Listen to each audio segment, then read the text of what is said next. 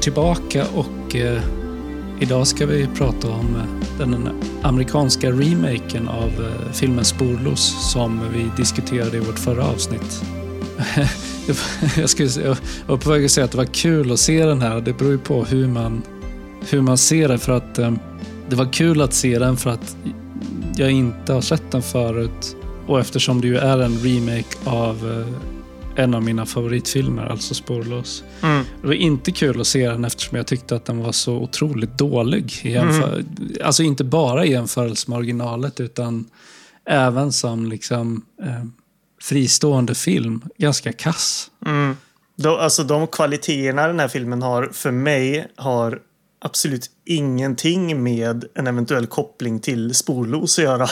Nej, utan eh, utan vi, all, allt detta ska vi gå igenom. Men, men nej, jag tänkte också på det att det finns bitar jag tycker om.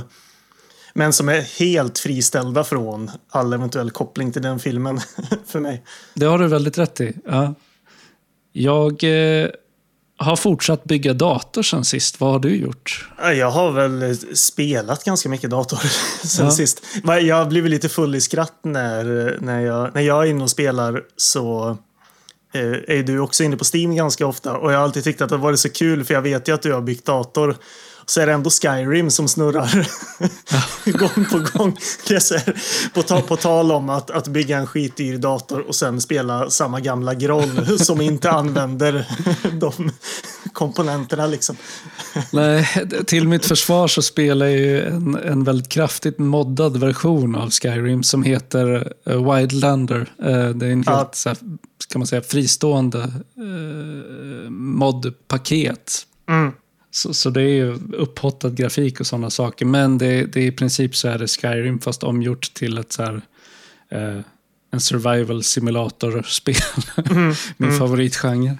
Mm. Eh, nej men det är Skyrim och, och Stardew Valley som, eh, som jag Ja.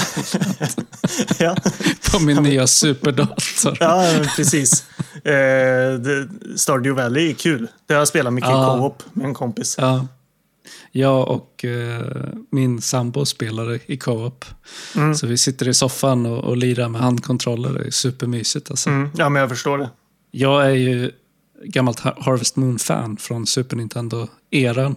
Eh, och Stardew Valley är ju egentligen en, i grunden en Harvest Moon-klon, men eh, med betydligt mer avancerad eh, mekanik, alltså spelmekanik och Ja, ja men precis. liksom ett, ett djupare gameplay. så. Men eh, på ett ytligt plan så är det ju ot- alltså otroligt likt Harvest Moon. Så jag blir också väldigt nostalgisk när jag spelar det. Mm. Eh, men skitbra spel. Ja, ja, Det, verkligen. det tilltalar alla mina, liksom, mitt ständiga behov av att organisera saker och Ja. strukturera grejer i kistor och lådor. Och liksom. Ja, det är, det är väldigt, Det är så- väldigt kompatibelt med, med det. Ja, precis. Det är ett spel för eh, en bibliotekarie kan man säga. Ja, ja men precis. mycket kring katalogisering. Ja, ja, men exakt.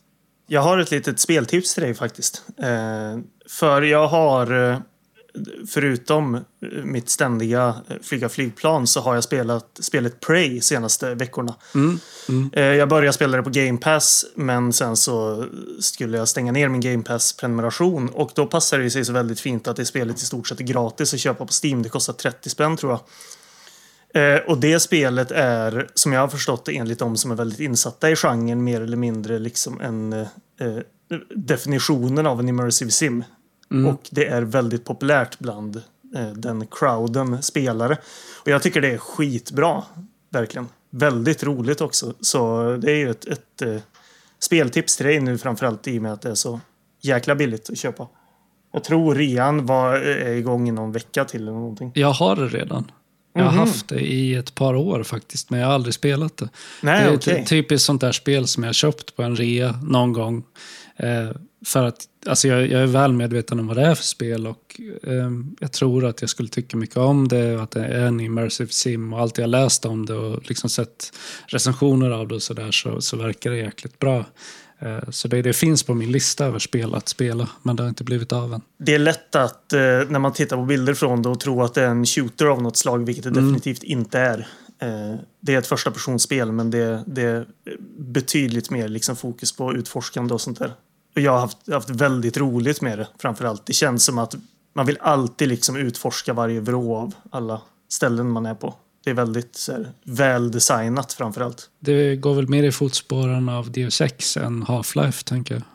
Jo, men definitivt. Och det är ju utvecklat av den här Arcane-studion som har gjort Dishonored och sånt där. Det är väl de som har varit Immersive Sim-hjältarna eh, enligt många senaste åren. Så. Jag har spelat Dishonored 1 eh, och det är ju på alla sätt och vis ett bra spel, men det är, det är någonting i det spelet som, trots att det liksom har alla ingredienser som gör att jag borde tycka om det, så är det ändå något som inte riktigt når ända fram för mig. Ja, jag har aldrig spelat något av. Jag testade Dishonored 2 i typ en timme eller någonting på, via Game Pass då, men tyckte ja. inte det var så... Nej, jag fastnade inte alls heller. Eh, men Brave är jag väldigt fäst vid. Tycker det är superkul så. Men det är ganska olika spel. Ja, nej precis. Men eh, eftersom det har gått åt så pass många timmar nu åt att spela Stardew Valley senaste veckorna så jag har faktiskt inte sett så mycket film på sistone. Nej. Eh, jag, jag har sett Robocop 1 och 2. Eh, Vi såg ju. Robocop 2 ganska tajmat insåg jag faktiskt. För jag såg Jaså. Robocop 2 bara för någon vecka sedan. Eller en och en halv vecka sedan. Jaha. Det hade jag faktiskt inte sett. Vi såg den ju i, när var det? Igår tror jag. Ja. Eller vi såg den i två sittningar för det blev sent första kvällen så såg vi färdigt den dagen efter. Mm. Um, vilket var lite speciellt därför att där vi slutade vid första sittningen, alltså typ en timme in, ja det var nästan exakt en timme in i filmen, uh, så var den, den var jättebra första timmen. Där. Så jag tänkte shit vad bra Robocop 2 är. Fan vad, jag ser fram emot att se färdigt den här imorgon. Och sen såg vi resten dagen efter och den var inte alls lika bra. Så andra hälften av den filmen eh, tyckte jag verkligen så drog ner helhetsintrycket. Men den första timmen tyckte jag var skitbra. Ja, och det kan jag så här i efterhand verkligen hålla med om. För visst är det i andra hälften när det blir väldigt mycket byråkrati och grejer som kändes ganska ointressant. Eller i alla fall slarvigt eh, utfört på något vis. I grund och botten blev jag väldigt positivt överraskad ändå. Mm. Eh, mm. jag tyckte den var Ja, men den, den kändes ändå, det är ju omöjligt att liksom emulera Verhoeven-stilen på så sätt, men jag tyckte ändå att den kändes ganska eh, stilmässigt ändå att den gick hyfsat väl hand i hand med originalet. Den var fortfarande rätt... Jag hade fått liksom intrycket av när jag hade hört om de här filmerna tidigare att det skulle vara som eh, mer eller mindre som eh, barntillåtna versioner av originalet. Mm. Men jag tyckte tvåan ändå var ganska härligt köttig och så. Ja, absolut. Jag menar, det, det, finns ju delar av den som är nästan ännu råare än vad ettan är. Framförallt i det här med att en av antagonisterna ju är ett barn. Alltså, ja, men precis. Väldigt rå, råskinnad unge som springer runt och skjuter folk med en Uzi. Mm. Nej, men så, så det, i, överlag blev jag ganska positivt överraskad av den. Men den var ju som, som så många andra typ en kvart för lång. Och då framförallt 15 minuter med byråkrati och grejer som inte var så spännande. Kan jag tycka. Ja, nej, men andra hälften av den dribblar ju bort allting som, är, som, som gör den bra inledningsvis. Framförallt att de liksom slarvar bort Tom Noonans skitläskiga mm. eh, skurk. Och, och gör honom till en ansiktslös robot istället. Ja, precis. Med, och det är med... helt obegripligt. liksom. Att så här, ja. fan, ni har ju Tom Noonan, han är ju asbra. Ja, och, ja och men sen, verkligen. Nej, men nu, ska vi, nu måste vi ha någon som kan mäta sig med Robocop eh, liksom, fysikmässigt. Mm. Eh, så därför så, så har vi ihjäl Tom Noonan, så ska han också bli en, en robot. Då. Men vad fan, alltså, varför kunde de inte göra honom som en cyborg också? Istället blir han så här, han blir en total robotversion med en jätteful liksom, 3D-modellering av Tom Noonans ansikte. Eller det ska se ut som Tom Noonan, men det, ja, om man inte visste att det var han skulle man aldrig gissa det. Nej, men det var väl för att de ville få in den effekten. Känns det som. Antagligen, men det är sån jävla miss liksom. Ja, ja, verkligen. verkligen. Så fram till den punkten tyckte jag att filmen var bra, men sen tyckte jag att den var ganska dålig. Så det var synd. Ja, jo, men definitivt. Eh, trean har jag inte sett heller. Inte det är jag klart heller. jag kommer väl någon gång se den kanske. Men alltså Robocop 1 är ju verkligen skitbra. Ja, det, verkligen. Eh, den såg jag om ganska så nyss också. Eh, Mm. Och det, ja, ja, det, det är en, en regelrätt klassiker av en anledning. Och jag insåg där nu när jag såg Robocop den första filmen. Mm. En sak som jag verkligen älskar i eh, Paul Verhovens filmer är hur han använder sig av så många skådespelare i de flesta scener. Det är alltid liksom ja, men en ganska stor grupp av människor. Mm. Och sen som kameran rör sig på ett väldigt välkoreograferat runt omkring medan skådespelarna rör sig in och ut i bild och sådär. Och nästan var och varannan scen har sådana element. Så det, det skapar en sån jäkla fart och rörelse i filmen. Eh, och, och jag tänkte på det här nu när jag såg Robocop att Ja, men det här har det är gemensamt för de flesta av Paul Verhovens filmer som jag sett. Alltså, Starship Troopers är exakt likadan. Man tar alla de här scenerna liksom i, i militärbaserna som de är i. Det är alltid jättemycket folk i varje scen. Liksom. Många karaktärer som, som tävlar om utrymmet. Eh, samma sak i, i eh, hans tidiga filmer också, Soldier of Orange. Där finns det också så här scener där det är så jäkla mycket karaktärer och kameran liksom rör sig eh, ja, men genom en balsal eller något sånt där. Och, mm, liksom det är väldigt sånt fart och så mycket liv i hans filmer. Ja, och det känns ju som att han har alltid med så jäkla mycket bra karaktärsskådisar och som att han vill få in dem i alla scener också. Och Ja. att han ju lyckas med det. Verkligen som du säger. För nu när jag tänker på det, när du tar upp det, så stämmer det ju verkligen. Det är ofta som att han har alla de här skitbra karaktärsskådisarna så att de nästan tävlar med varann i scenerna. Som, eh, vem som gör mest avtryck. Eh, men eh, efter att ha sett ettan och tvåan då, så blev jag så jäkla sugen på att spela det här nya PC-spelet, Robocop Rogue City, som kom för några veckor sedan. Ja, Och jag har spelat eh, någon timme in och det, det är kul alltså. Det, Vad är det för typ av spel? som- Jag har aldrig fattat. Alltså, Alltså, det är- vad det är, för, är det bara en vanlig shooter liksom? Eller Ja. vad, vad, vad är grejen? Som, Nej men du, du är bara en så här oövervinnlig tank. ja, Du är Robocop. Ja. Du springer, och, eller springer, du går omkring, klampar omkring och mejar ner skurkar. ja, för jag har ju sett att det har kommit men aldrig liksom kollat in mer vad det är för typ av spel. För det, det kändes så överraskande att det bara kommer en helt vanlig, ett helt vanligt FPS liksom. Mm. Och det är väldigt härligt tycker jag. För att det, det, det är precis vad det utger sig för att vara. Av vad jag har sett hittills. Ehm, Det är ett så här storydrivet, storydrivet FPS med alla de kända karaktärerna från originalfilmen. Mm. Eh, Så om man är ett fan av Robocop så, så trots att jag bara spelat någon timme in så tänker jag att det ändå... Ah, alltså hittills känns det som en ganska klar rekommendation om man gillar Robocop. Det är, de, de har precis förstått vad Robocop är och bör vara och liksom gått in stenhårt på det. Mm. Det första jag tänkte på när jag började spela på det var att det här påminner om så här rail shooter eller så här räls shooter. Ja. Vet du vad det är för någonting? Ja, ja, alltså absolut. Typ Det- Virtua Cop och de Ja, gamla Time Crisis 90-talsspelen. och så vidare. Ja, exakt. Eh, Det påminner om det, fast alltså, det är ju inte det. Du är ju inte på rält, du går ju omkring och, och kan röra dig som ett vanligt FPS. Men det är någonting bara i hur eh, fienderna dyker upp och också det här med att eh, du är så oövervinnerlig. Mm. Som, som direkt fick mig att tänka på typ Virtua Cop.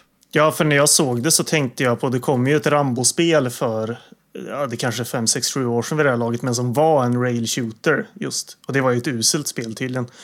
Men, men jag, jag liksom drog mig det till minnes när det här Robocop-spelet kom. Och just att jag, jag fick inget riktigt, ingen riktig klarhet i vad det var för typ av spel. Eh, men det är ju kul att det kommer ett FPS som inte är en Battle Royale eller gjort för multiplayer eller Open World eller något annat liksom.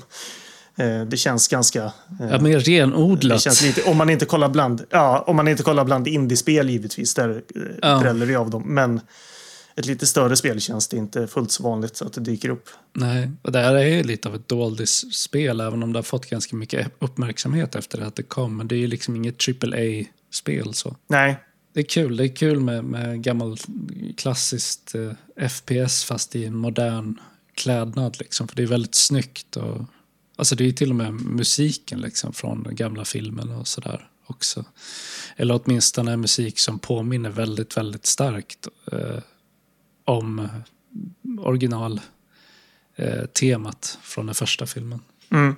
Utöver det så har jag läst en del som vanligt. Just nu så läser jag Roadside Picnic av Arkadi och Boris Strugatsky från 72. Alltså den boken som sedermera eh, kom att inspirera Tarkovskis film eh, Stalker, eller Stalker. Mm. Som i sin tur inspirerade spelserien Stalker. eh, som utspelar sig i The Zone då. Ja, precis. Väldigt, väldigt eh, lös inspiration får man ju ändå säga. Ja, Om man har verkligen. sett Stalker och sen spelat spelen.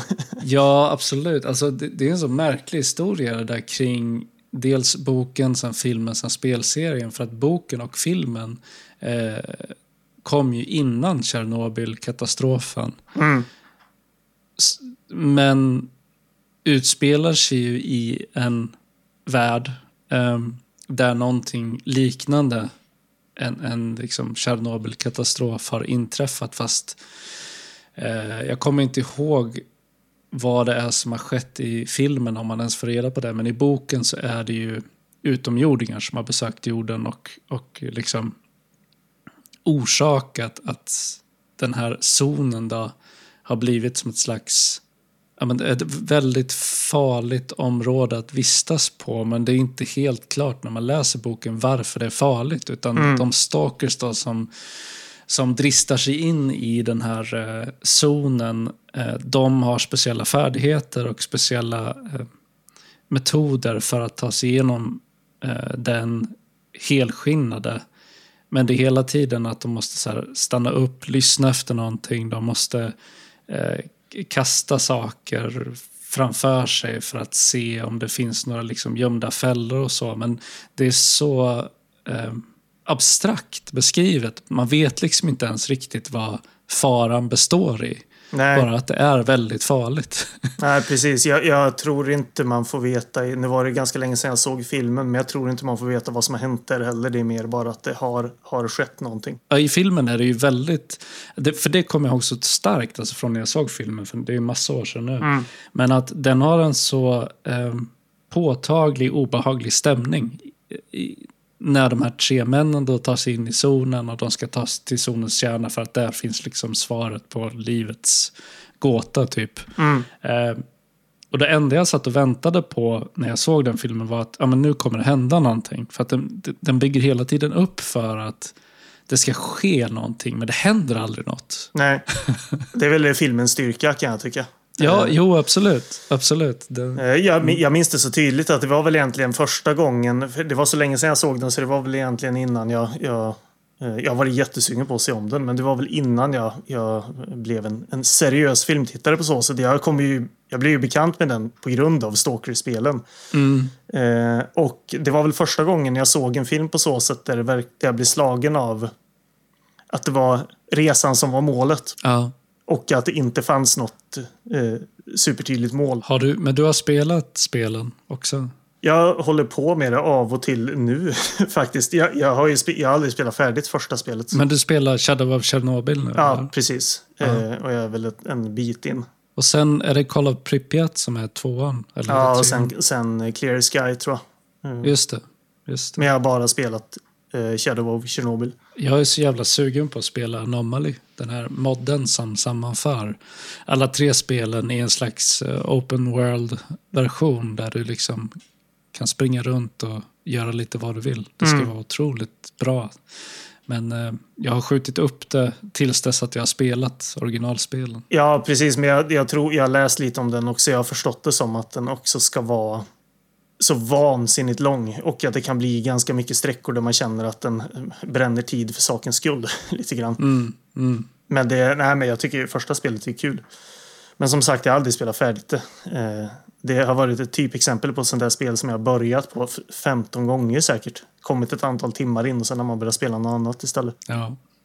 Har du Jag något vill- mer du vill... Ja, förlåt. Fortsätt. Ja, jag vill tipsa om en skiva också.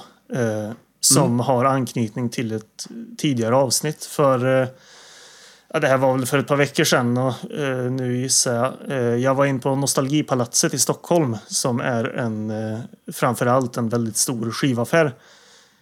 Och så bläddrade jag lite i deras ambient back och stötte på ett namn som vi har pratat om tidigare, Mark Isham. Ja, som ju gjorde musiken till Liftaren som vi pratade om i, ja det är väl två, tre avsnitt sen vid det här laget. Mm. Ehm, vi pratade lite grann om honom då, men jag tror aldrig att vi riktigt nämnde att han är ju en, var och är en väldigt framstående musiker egentligen, framförallt utanför filmmusik, även fast det är såklart är det han är främst känd för. Eh, för jag stötte på hans skiva Vapor Drawings från 1983 som jag inte köpte. Jag köper ganska lite skivor numera, men jag lyssnade på den på vägen hem och den var riktigt bra alltså. Jag vet inte om jag skulle kalla det för ambient musik nödvändigtvis, utan jag skulle väl snarare säga att det kanske påminner lite grann om, om eh, Tangerine Dreams 80-tal. Alltså det låter ganska mycket som filmmusik. Men det är helt eh, instrumentalt. Ja, precis. Ja, Möjligt att det är sång på någon låt, jag minns inte riktigt nu. Det är till och från en ganska ojämn skiva, men vissa, vissa spår är väldigt bra. Alltså, så det är definitivt värt att lyssna på. Sen så läste jag ju lite grann om Mark Isham. Han är ju, eh, säger man, trumpetare eh, också framför allt. Och då slog det mig att han har samarbetat med David Sylvian på två av mina alltså, riktiga favoritskivor. Eh, Brilliant Trees och Secrets of the Beehive. Som kom eh, 84 och 87. Och det hade jag ingen aning om heller, men jag, jag drar ju mig väl till minnes att det är trum, mycket trumpet på de skivorna. Eh, Mm. Så det hade jag ingen aning om. Eh, Men han har, har eh, samarbetat med ganska många andra artister också. Men framförallt de två David Sylvian-skivorna är, är väldigt stora tips. De är oerhört bra.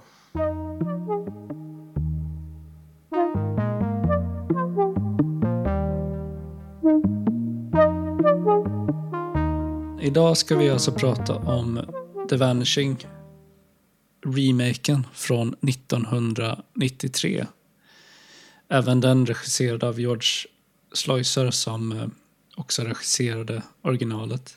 Den har eh, 28 000 loggningar på IMDB med ett betyg på 6,3 av 10. 16 000 loggningar på Letterboxd med ett betyg på 2,9 av 5. Och kritiker och publikbetyget på Rotten Tomatoes är 49% respektive 46%. Det är bara 16 000 loggningar. Ja. Det var till och med färre än vad jag hade, vad jag hade kommit ihåg. Mm. Jag har plockat fram... Eh, vi har ju en Bonniers recension, men jag har Mm. faktiskt tagit, eh, tagit en positiv och en negativ recension från eh, Rotten Tomatoes också. Eh, för, framförallt för att en av dem, jag tyckte den var, den var så rolig så jag var tvungen att ta med den. Ja, men för jag glömde bort att säga det till dig, men jag, jag tyckte det vore kul om du nu kanske gör det då, eventuellt. Annars så tycker jag att vi ska kolla upp det. För, jag- för Roger Ebert recenserar ju även den här filmen och jag minns det som att han hade en otroligt syrlig först, alltså ingångsmening i sin recension.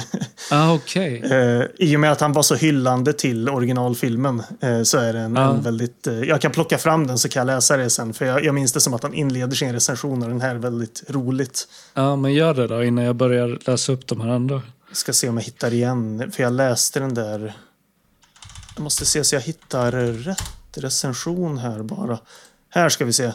Ja, just det. Ja, men precis. Här ska jag läsa den där första. För, för eh, Ja, vi du tog ju upp Roger Ebert förra, i förra avsnittet. Han var ju väldigt hyllande till originalfilmen som han tyckte var, jag minns inte om han gav den fyra stjärnor, men i alla fall tre och en halv. Eh, sen recenserade han ju då remaken som han gav en stjärna. Eh, och han inleder sin eh, skrivna recension så här. The Vanishing is a textbook exercise in the thrashing, nej, inte thrashing, trashing of a nearly perfect film conducted oddly enough under the auspices of the man who directed it. Det är en väldigt speciell omständighet med den här filmen, faktiskt. ja, han var definitivt inte ett fan av den här, kan man ju säga. Nej. Men då tar jag ett exempel på en eh, recension då som, eh, som tycker väldigt mycket om den här filmen. det är Mike Massey från sidan Gone with the Twins. Mm. Skriver så här. Bridges, alltså Jeff Bridges, Mm. eh, makes a memorable, su memorable superb psycho demonstrating remorselessness, fortitude, an unnerving calm and a faint Dutch or simpleton accent. Ja.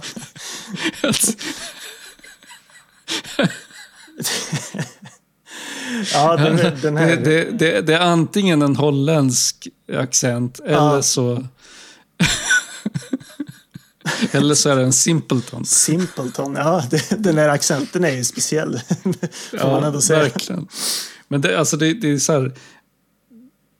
Menar han att holländska accenter generellt låter som att de har någon form av intellektuell funktionsnedsättning. Holländska som språk är ju lite speciellt för det låter ju som en sån här hittepå-variant av tyska. Så, så i den mån kan jag, ju, kan jag förstå det, men att det skulle vara, skulle vara Simpleton är väl att dra det ett, ett, ett varv för långt kanske. Får man säga. Men ja, han gillar i alla fall Jeff Bridges uh, uh, Jeff Bridges eh, psykopat som antingen då är holländare eller eh, intellektuellt funktionsnedsatt. ja, ja. ja. eh, Sen har vi Hal Hinson från Washington Post. Han skriver eh, betydligt mer negativt. Då. A case study in how Hollywood can make a complete mess out of what was previously a marvelous film. Så han är ju på Roger Eberts bord. Mm. Eller bo bog säger man va? Att de är på samma bog, inte samma bord. ja, möjligt. Det, det vet jag inte på rak. De står på samma sida i alla fall, så långt kan man Ja, exakt.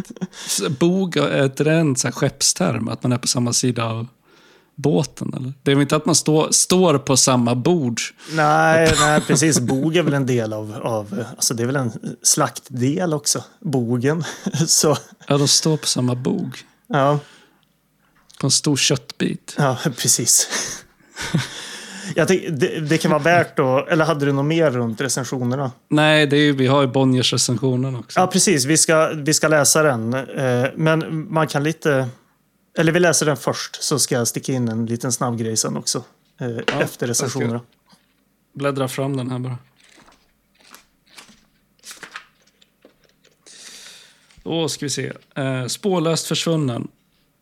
Och eh, Bonniers film och videoguide skriver så här. Sutherlands flickvän försvinner på en bensinstation. Och efter tre års sökande har han blivit besatt. Under tiden funderar hennes förslagne kidnappare Bridges på att avslöja sig. Välspelad, mycket otäck film som inte går upp mot den i Sverige ej visade holländsk-franska thrillerfilmen från 1988 den är en nyinspelning av, trots att samma regissör har gjort båda versionerna. Efter en bok av Tim Krabbe. Två av, två av fyra stjärnor. Ja, alltså vad jag reagerade på när jag läste den var att jag tyckte den lät lite mer positiv än vad de egentligen gav betyg. Men det är klart, de ger den ju två av fyra, så det, är ändå det är ju mittemellan givetvis. Eh, mycket, mycket otäck är ju questionable, det ska vi prata om. Ja, verkligen. men, nej, men vad jag ville nämna lite snabbt är ju att eh, Rewatchables gjorde ett avsnitt om den här filmen för eh, det kanske ett år sedan mm. vid det här laget. Det känns som att eh, i den mån den här filmen har kommit upp till ytan igen för, för moderna tittare är det väl i och med det avsnittet gissar jag. Det, jag tycker det kan vara lite intressant och jag ska framförallt gå tillbaka och lyssna på det avsnittet för ingen av de som var med där hade sett originalet. Aha. Eh, så jag tänker att det kan vara lite intressant att Alltså jag misstänker att det är ganska stående för alla amerikaner mer eller mindre som såg den här filmen att ingen har sett originalet. Så jag tror att det kan vara lite intressant att se. Det, det, de framhåller det inte som ett mästerverk. Det är mer att, de, att det är en, en kul film på så sätt. Men eh, mm. det kan vara intressant att, att, lyssna igen tror jag och se vad de framhåller just i och med att man inte har sett originalet. Då. Eh, Bill Simmons som leder Rewatchables intervjuar även Jeff Bridges i sin eh, egna podcast och de pratar lite om, om eh, The Vanishing då också. Så det kan ju också vara kul att lyssna på. Bland annat så tar han upp den här accenten med Bridges. som mm. diskuterar. Jag minns inte vad de pratar om nu. Men, men, eh, den är väldigt speciell. Det tar en stund att ens upptäcka att det är en accent han försöker göra. Ja, ja. Jag tänker att vi skippar Six Degrees of Motion Picture Separation helt och hållet den här gången. Därför att uh, filmen är ju regisserad av George Sluicer. Det är ju samma regissör som Spårlös. Så. Precis, det, det är väl uh, uh, rekordenkelt. ja, och eh, regissören då, George Sluicer pratade vi om i förra avsnittet så vi ja. behöver inte säga så mycket mer om honom. Vad som kan eh, nämnas är väl att eh, Jag såg en kort intervju med honom på Youtube. Mm. Eh, där han, som kom i samband med att den här filmen eh, hade premiär. Och han blev tillfrågad av eh, intervjuaren, ja, typ så här, hur, hur känner du själv för den här filmen? Liksom? Vad är din bedömning om hur den står sig i förhållande till originalfilmen och så vidare? Mm. Och han svarade ganska luddigt på den frågan genom att säga att han själv inte dömer sina filmer. Alltså att han bedömer dem inte utan han skapar dem bara och sen är det bra med det. Typ. Det var så jag förstod honom i alla fall. Det var väldigt så här. Jag kunde inte riktigt avgöra om det var ett undvikande svar eller om det var att han faktiskt var uppriktig i det. Mm. Eh, om han var uppriktig eller att han bara inte ville prata om det. Jag vet inte. Eh, men jag tänker att eftersom han gjorde originalet som ju är en så fantastisk film så måste han ju se bristerna i den här remaken i förhållande till originalfilmen. Och framförallt hur, alltså hur korkad den här filmen är i jämförelse med originalet. Ja, alltså man undrar ju lite om en del av hur korkad den är eh, var medvetet i och med att den vänder sig till en, till en publik som såklart inte har sett originalet och eh, som kanske inte ser utländska filmer överhuvudtaget. Eh, eller om det bara råkar falla sig så. Eh, det är ju en annan manusförfattare med här, eh, ska Mm. sägas. Och det har väl kanske en del i det hela. Men samtidigt så känns det också som att eh, det här är rena gissningar, men, men det, jag hade ju inte blivit förvånad om, jag, om man förstod det sen som att han bara gav upp. Lite grann. Nej. Jag har tittat lite efter så här info om inspelningen kring den här filmen eller om George Loiser senare i livet har liksom uttalat sig om det. Men jag har inte Mm. kunnat hitta någonting. Det finns säkert något, men, men inte något som är sådär ehm, som, som dyker upp vid första sökningen. Nej. Den hade en eh, budget på 20 miljoner dollar och eh, drog totalt in 15 miljoner dollar i USA och Kanada. Eh, sen står det även Gross Worldwide, samma siffra, så jag vet inte riktigt vad som menas med det. Den gick ju upp på bio utomlands också, men det verkar i alla fall, den gick, drog inte in budgeten tillbaka i USA i alla fall. Och det är ju, det är ju givetvis inte, jag vet inte om man ska se det som en bomb, men, men det är ju inte bra heller. Liksom. Nej. Vi ska se sen när vi läser eh, VHS-omslaget att den ändå verkar ha blivit ganska väl recenserad från väl renommerade publikationer. Eller åtminstone etablerade publikationer. Mm. Eh, Manus har skrivet av Todd Graff som eh, inte har haft någon märkvärdig karriär. Han har skrivit några manus men han har varit med i fler filmer som skådespelare. Bland annat James Camerons film The Abyss där han spelar Alan Hippie Carnes. Mm. Var så länge sedan jag såg den filmen så jag kommer inte ihåg den karaktären därifrån. Ja, nej, jag har nog aldrig sett den. Samma med Strange Days också. Alltså Catherine Bigelow-filmen. Men samma sak där, alltså det är en film som jag tycker mycket om men, men jag kommer inte ihåg honom i, ifrån den. Nej, han hade ju regisserat lite också, men det var inget jag kände igen heller. Nej. Och eh, boken som filmen är baserad på är ju som sagt skriven av Tim Krabbe som också var delaktig att skriva originalmanuset tillsammans med George Schleusser. då. Mm.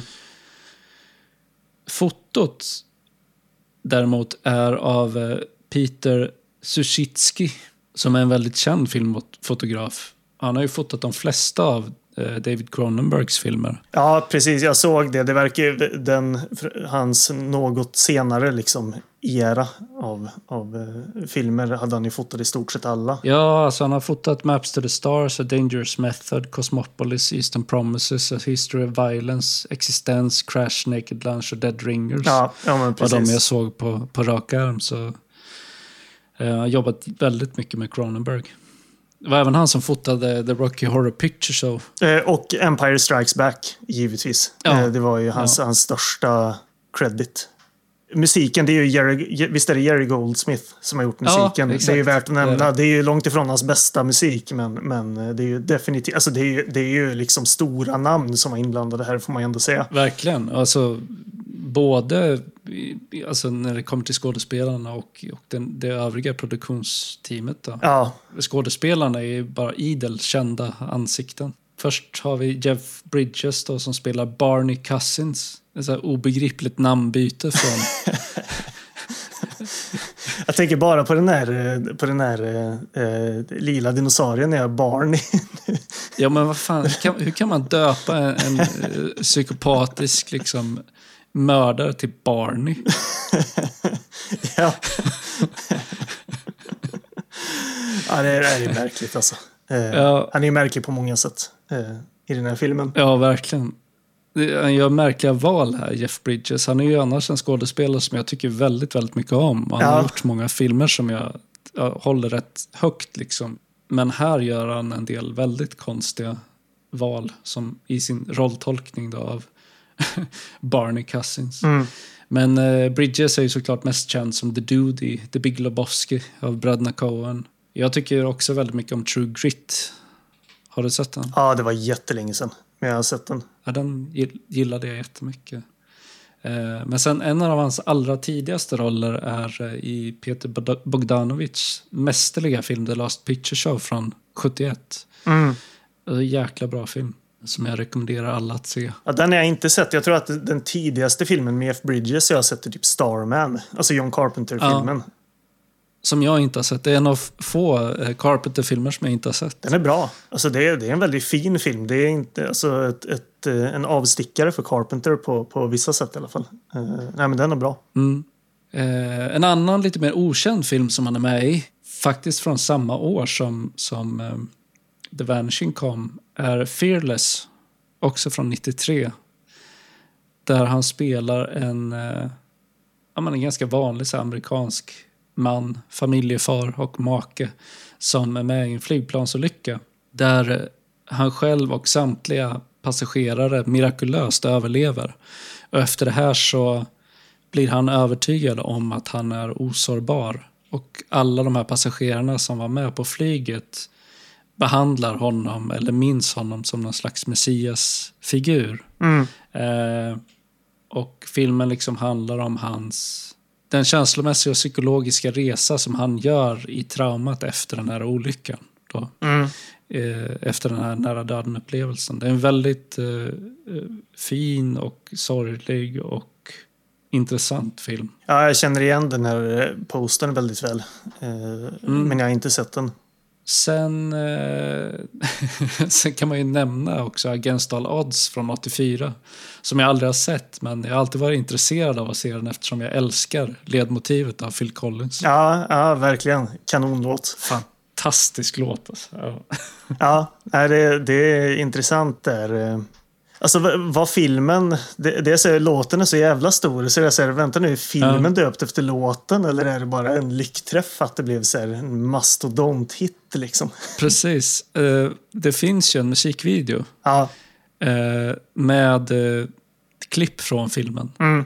Och jag misstänker ju att den film man får se, alltså de, av de korta klipp som man får se i musikvideon, kanske är bättre än filmen i sig. Ja. Uh, för av vad jag läst om den filmen så handlar den ju inte om det man skulle tro att den handlar om om man ser klippen som är med i musikvideon. Nej, nej. Det, jag måste kolla på musikvideon för att se. Jag vet att jag, jag, man känner igen den där eh, postern väldigt väl. Mm, verkligen. Och jag tror att bara genom att se den postern så har jag nog blandat ihop den filmen lite med eh, Visst kom det någon film med Madonna och typ Richard Gere när de blir fasta på en öde ö någonstans? och, mm -hmm. och, den här postern för eh, Against All Odds eh, liksom, det ser ut som att det skulle vara den typen av film i och med att de ligger i ett vattendrag liksom, och kysser varandra. Det det, jag jag fick, får bara så här det är här inte... måste vi gå till botten med. Vad är det för... Nej, jag kommer inte ihåg alls vad den heter. Jag vet inte riktigt hur man ska söka efter den. Det kanske inte ens heller var Madonna som var med. Vi söker på, eh. men fan vi är bibliotekarier båda två. Vi måste ju kunna hitta det här. Vi ska ju vara så kallade informationsexperter. Ja. Eh, är det, men det är en gammal film eller? Det är väl 90-tal någon gång kanske. Mm. Är du säker på att det är Richard Gere? Nej, nej, absolut inte. Eh, nej, jag är inte säker på att det är Madonna och inte säker på att nej, det är Nej, nej, nej. Alltså, jag, jag, vet att det är två stora, alltså, stora skådespelare. Liksom. Eh, och de, de första, jag, jag, är väl mer säker på att det är Madonna. Men vad fan ska man söka på? Alltså, det, när man är Du tänker inte på typ den... Den blå Nej, nej, nej, nej den har jag aldrig sett ens. Uh, men vad heter det när man är skeppsbruten? Uh, strand, stranded. Stranded, stranded on a desert island. Uh, här ska vi se. Nej, vänta nu. Är det den här Six Days Seven Nights jag tänker på med Harrison Ford och Anne Hesh? Just det. det. Den är det nog jag tänker på. Sen tror jag att det även finns en film med Ja, precis. För det finns en film som heter Swept Away med Madonna i huvudrollen. Eh, som ju är en Guy Ritchie-film. Men det är inte den jag tänker på. Jag tänker på den här Sex dagar och sju nätter. som, ja. och, alltså, som sagt, det är bara för att jag, när jag har sett den här eh, postern så ser det ut som att de ligger på en sandstrand. Och då tänker jag, jaha, men är det den filmen när de är på en ö? Men det är det ju inte alls. Nej, det, det, ju, det, finns ju massa omslag som påminner väldigt mycket om det där. Jag tänkte också på The Notebook med, med eh, Rachel McAdams och Ryan Gosling. Mm. De är inte på en strand men de, de är ju... De, de har ett så här passionerat ögonblick och, och liksom kysser varandra i regnet om jag minns rätt. Så, ja, precis. Ja, nej, det här omslaget för tankarna till en, en, en massa olika filmer. Sex dagar och sju nätter har jag inte sett sedan jag var barn, så om den är sevärd har jag absolut ingen aning om. Nej, den är säkert skitbra. ja, ja, vi kan ju säga det. Och så kanske vi ska se för podden någon gång. uh, sen uh, vid sidan av Jeff Bridges då, så har vi Kiefer Sutherland som spelar Jeff Harriman. Mm. Och uh, ja, Kiefer Sutherland är Kiefer Sutherland. Ja, ja men Han, precis. Eh, med Stand By Me, The Lost Boys, Phone Booth, Flatliners, The Jury, A Time To Kill, Young Guns, De Tre Musketörerna. Det finns hur mycket som helst. Tre Musketörerna kom i samma år som den här. Eh, man kan ju lite snabbt nämna, för det såg jag nu eh, rent, att eh, han regisserade även en tv-film som heter eh, Cellblock 7 eller Last Light. Mm eh, från 93 där, som Forrest Whitaker är med också som jag såg för jättelänge sedan. Som jag ändå minns som ganska bra. Men, men det var så länge sedan jag såg den så jag kommer ihåg ganska lite av den. Men Clancy, Clancy Brown är med i den också. Jag eh, visste inte att han hade regisserat förrän jag började gräva lite i hans filmografi. Men jag såg en annan film, en kortfilm. Eh, regisserad av honom då. Eh, från 95 som heter Fallen Angels eller Love and Blood. Mm. Eh, där han spelar huvudrollen jämte Danny Trejo och Madchen Amick. Det var någon slags vampyrhistoria till en 35 minuter lång, men den såg rätt cool ut. Ja, det verkar vara någon antologi-tv-serie eh, när jag tittar där. Aha. Eh, och att jag misstänker väl då att, eh, att han regisserar ett av avsnitten då. Ja, just det. Eh, och sen har vi Sandra Bullock då, som Diane Shaver, hans eh, flickvän eller hustru som försvinner. Mm. Eh, hon är ju med en, en av mina absoluta favoritfilmer från barndomen. Kan du gissa vilken det är? Nej, jag vet inte. Hon har ju varit med i så mycket. Uh, Speed. Ja, ja, ja såklart. Uh, den kom väl... Ja, för vad jag ville nämna, alltså det är ju samma sak med henne, alla vet vem det är. Vad, vad jag tycker är värt att nämna är att vilket sjukt år hon hade 93 när den här filmen kom. Hon var ju med i fem långfilmer. Varav Demolition Man och Eh, ja, Demolition Man är väl den mest ihågkomna då, som är också en superhärlig film. Men det var ju såklart året efter med just Speed då, som du nämner som hon ju eh, fick någon slags mastodont genomslag får man ju säga. Uh, Blev superstjärna på riktigt. Uh, Keanu Reeves. Ja.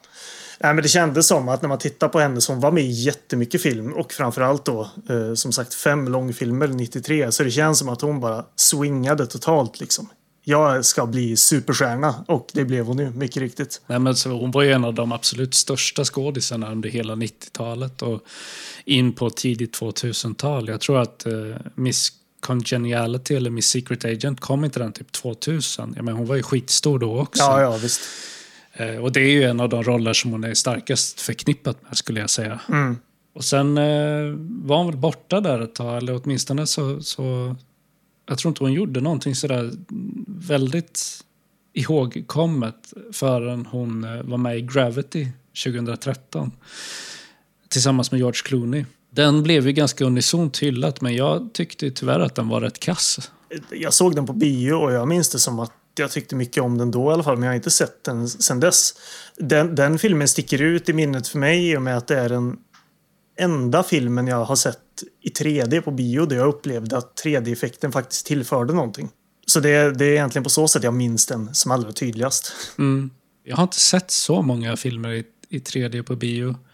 Eh, men jag har ett väldigt tydligt minne av att jag såg en i övrigt ganska dålig film, men att den blev bättre tack vare 3D-effekten. Och det var typ, vad fan hette den filmen? Det var typ The Dive eller, eller om den också hette Diabysk. Men det, den handlade i alla fall om ett gäng dykare eh, som dök i undervattensgrottor. Och eh, 3D-effekten i det här fallet eh, gjorde ju att man, man fick en lite så starkare känsla av att faktiskt vara med dem där under vattnet och, och, att det blev mer klaustrofobiskt. Film, filmen i sig var inte speciellt bra men, men eh, det var ganska effektfullt med 3D-effekten just där. Jo men precis. Det, det, någon gång händer det att det faktiskt tillför något. Nej men jag, jag tänkte på jag tyckte det var lite intressant för, för när jag tittar på henne, som sagt hon är ju en, en eh, superstjärna liksom. Men hon hade bara 60 credits som skådespelerska. Och jag, jag vet inte, jag, det, nu är det inte som att jag brukar gå igenom och se hur många credits skådespelare brukar ha, men jag tyckte det lät ganska lite. Så det, det är uppenbart att hon har ju liksom efter då 90, 93 och, och 90-talet har kanske valt eh, roller med mer eh, vad säger man, varsamhet kanske. Ja, det är möjligt. Hon, hon har ju varit med i några ökänt dåliga filmer också. Som mm. till exempel uppföljaren till Speed, alltså Speed 2. Cruise Control. Som jag fortfarande, ja precis, som jag fortfarande aldrig har sett. Ja, den, är, den har jag sett som barn, men, men inte ja, sen dess. Det är bara så här, tanken på att, ja men hur ska vi, hur ska vi toppa första Speed-filmen nu? Måste vi casha in på det här med att vi, vi har en så här braksuccé med, med en, en eh, fortkörande buss Liksom, hur, ska vi, hur ska vi toppa det? Ja, nej, men, det får utspela sig på ett fartyg istället. Ja, Passagerarfartyg. Precis. Eh, som att man inte alls har förstått vad, vad som gjorde första filmen så omtyckt och framför alltså som en så intensiv actionupplevelse. För det är ja. så jag minns den från som barn också. Det är, det är ett av mina allra tidigaste minnen av att vara så helt, in, alltså totalt investerad i en actionfilm. Mm. Jag ser ju här också att eh, Sandra Bullock har ju en andra gång faktiskt varit med i vad jag förutsätter är en, en sämre amerikansk remake av en utländsk film. För hon, hon var med tillsammans med Keanu Reeves faktiskt 2006 i eh, filmen The Lake House eller Huset vid sjön. Mm -hmm. Som jag inte har sett. Jag förutsätter bara att den är kass. Men det är en amerikansk remake på den väldigt bra japanska filmen som heter eh, Il Mare. Av någon anledning så har en, har en japansk film en italiensk titel då, internationellt. Ja. Men den filmen är jättebra, men den gjorde de en amerikansk remake på som, som Sandra Bullock är med ja. Sen är det Nancy Travis som spelar Rita Baker, hans eh, Kiefer Sutherlands nya flickvän. Då. Mm. Sen har vi eh, en skådespelare med eh, väldigt spännande namn. Hon heter Park Overall. Mm. Spelar Lynn. Hon har en väldigt liten roll i den här filmen. Men jag tycker att det är värt att nämna bara för, för det roliga namnet. Alltså hon heter alltså Park Overall. Ja, ja precis. eh, ja, det bryr sig väldigt eh, liksom när man läser det på svenska.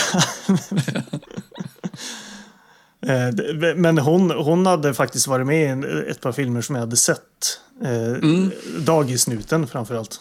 Ja, en, en, Kindergarten Cop. Ja, som är en, en barndomsfavorit. Ja, samma här.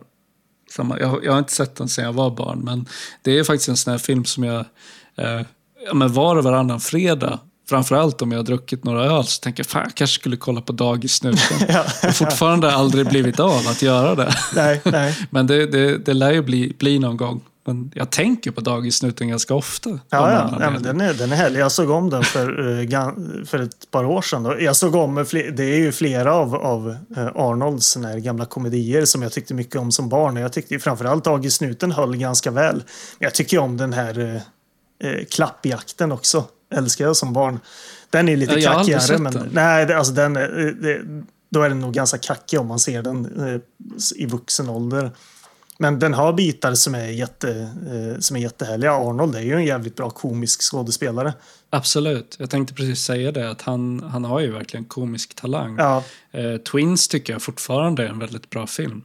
Han och Danny DeVito hade ju lite av en streak där när de gjorde eh, filmer med väldigt eh, konstiga rent konceptuellt. Ja, ja. Dels i Twins med att de två ska vara tvillingar. Mm. Eh, men sen ännu konstigare var ju Junior. Där Ja. eh, de genom något vetenskapligt experiment och gör Arnold Schwarzenegger gravid. Ja, så han går ja. runt med så gravid mage större än den här filmen. Jävla konstig idé. Ja, men Det är precis. så här typiskt, typiskt 90-talsfenomen att, Ja. att faktiskt genomföra den typen av filmidéer. Jag kan sakna det här med 90-talet. Det var så här bara, det här är så jävla konstig idé. Men det har ändå blivit en hel och Man tar märkliga risker. film. det. Eh, Ja, verkligen. Jag kan nämna i, i, om du nu ska se klappjakten då, eller Jingle All The Way, så mest, mest minnesvärt med den är väl egentligen Phil Hartman gör en jättebra roll i den. Som en, som en granne som vill, eh, som stöter på Arnolds fru. Eh, den karaktären är väldigt bra. Så, så man kan se filmen bara för, för hans scener. En annan sån där Arnold-klassiker som jag inte har sett är The Last Action Hero. Den är eh, väldigt härlig. Eh, Den såg jag, jag såg den som barn men, men jag kom, mindes den knappt. Men jag såg den för ett par år sedan och tyckte mycket om den. Den är väl lite för lång men, men eh, om man är liksom med på skämtet så att säga och har sett de här filmerna som den refererar till så är den kul. Mm. Men det är mycket fanservice givetvis men det är det hela filmen bygger på. Det är väl lite poängen. Ja, liksom. jo, men precis. Det är filmens poäng. Så.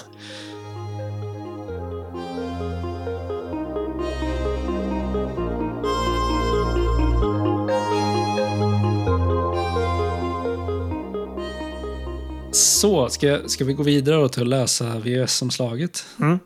Jag ska göra mitt bästa för att eh, försöka läsa de här eh, citaten från olika recensioner också, för de är ganska intressanta. Mm. Eh, men det är ganska pixligt som vanligt, så, så vi får se hur det går.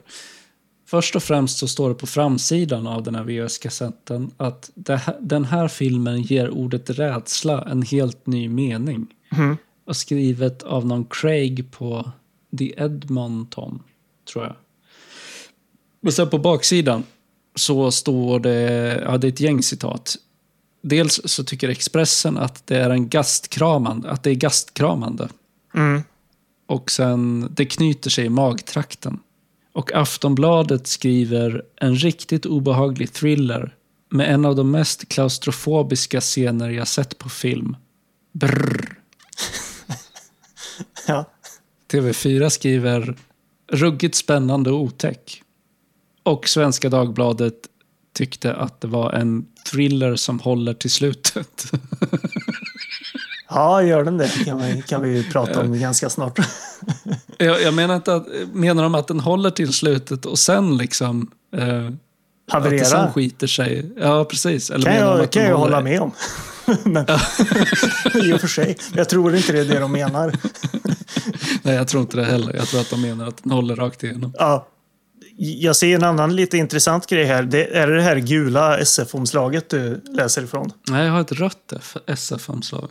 Jaha, nej men det, jag tror att det är samma. Men står det då på ditt omslag Ja, för där står det Jeff Bridges, Kiefer Sutherland. Men man namnger, man namedroppar Nancy Travis i en verkligt ruggig thriller. Varför då, tänker jag? Vad var hon med? För uh, man tar ju inte upp Sandra Bullock och det är ju så kul i efterhand liksom.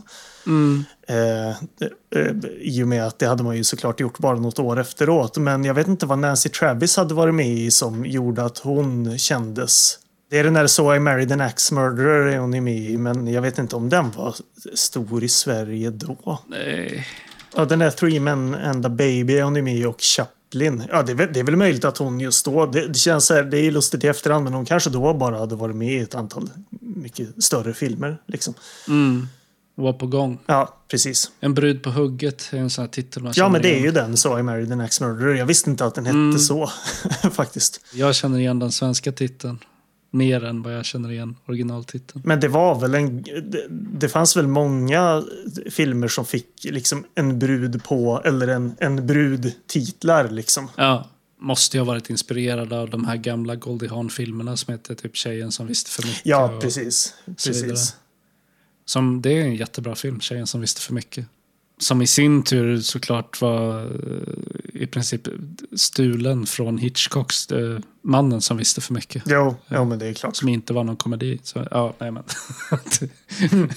nog, nog om det. Uh, så här står det på baksidan av VS-omslaget till Spårlöst försvunnen som den ju hette när den släpptes i, i Sverige. Jeff och Diane är på bilsemester. På en bensinmack går Diane på toaletten. Tiden går och till slut börjar Jeff febrilt söka efter henne, förgäves. Tre år senare letar han fortfarande. När servitrisen Rita tar hand om Jeff är, hon nära, är han nära ett sammanbrott. Eh, hon återför honom till livet och kärleken och Jeff lovar att upphöra med sitt meningslösa sökande. Då tar en man vid namn Barney kontakt med Jeff.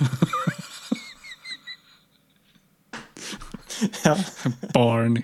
Jag satt och, när du sa det så, så började jag söka efter annat. Du sa Jeff och Diane. Då tänkte jag, finns det inte en låt som heter det? Men det är ju Jack och Diane. Den här John Mellencamp-låten. Mm, mm. så det, det, ja. Jag tycker alltid det är förvirrande när en av karaktärerna i filmen får en av skådespelarnas namn fast inte den karaktären som den skådespelaren faktiskt spelar. Nej, precis. Så du har ju Jeff Bridges spelar ja. Barney då. Och Kiefer Sutherland spelar Jeff ja. Harriman. Ja. ja, skillnaden mellan The Vanishing eller Spårlöst försvunnen och originalet Spårlos är ju tydlig redan från början. Eh, för att i Spårlos började ju filmen med paret Rex och Saska. Mm. Vi, vi, möter dem liksom i deras bil när de är på bilsemester i Frankrike. Men eh, The Vanishing från 93 börjar ju med eh, mördaren, Barney. Jeff ja, Bridges karaktär. Precis. I hans stuga i skogen där han håller på att förbereda kidnappningen eh, av en för honom okänd kvinna. Så redan här är skillnaden mellan originalet och, och remaken väldigt tydlig vad man väljer att fokusera på. Precis. Eh, jag läste något, alltså ganska nyss nu läste något ganska intressant. För jag reagerade ju på det här också. Tänk, initialt så tänkte jag, ja, men det är lite intressant att börja i, ändå i, i den här änden. Eh, det märker man ju sen ganska snabbt. Det är ju ett enormt misstag. Eh, när man kommer fram till scenen på macken. Men eh, för jag, jag jag kan läsa det här nu. Det var en grej jag såg i trivian på IMDB. Eh, för jag reagerar ju på just det här och det har, det har en förklaring till att man börjar i den här änden. För det står så här då. In an opinion piece for Dutch magazine The Filmkrant in 1999 så sa då regissören uh, that he initially signed a contractual agreement with 20th Century Fox producer Joe Roth to keep the original ending. Uh, when Roth left for Disney during production, the contract was cancelled. Negative audience previews during editing led to more changes because viewers had trouble understanding the flashback structure. Eh, så gissningsvis, ja det är återigen det här med korkade amerikaner som inte fattar någonting. och, Men det är ju hel, alltså hela, hela det här eh, eh, att använda sig av screening audiences ja. för att liksom skapa en, en lyckad film ja.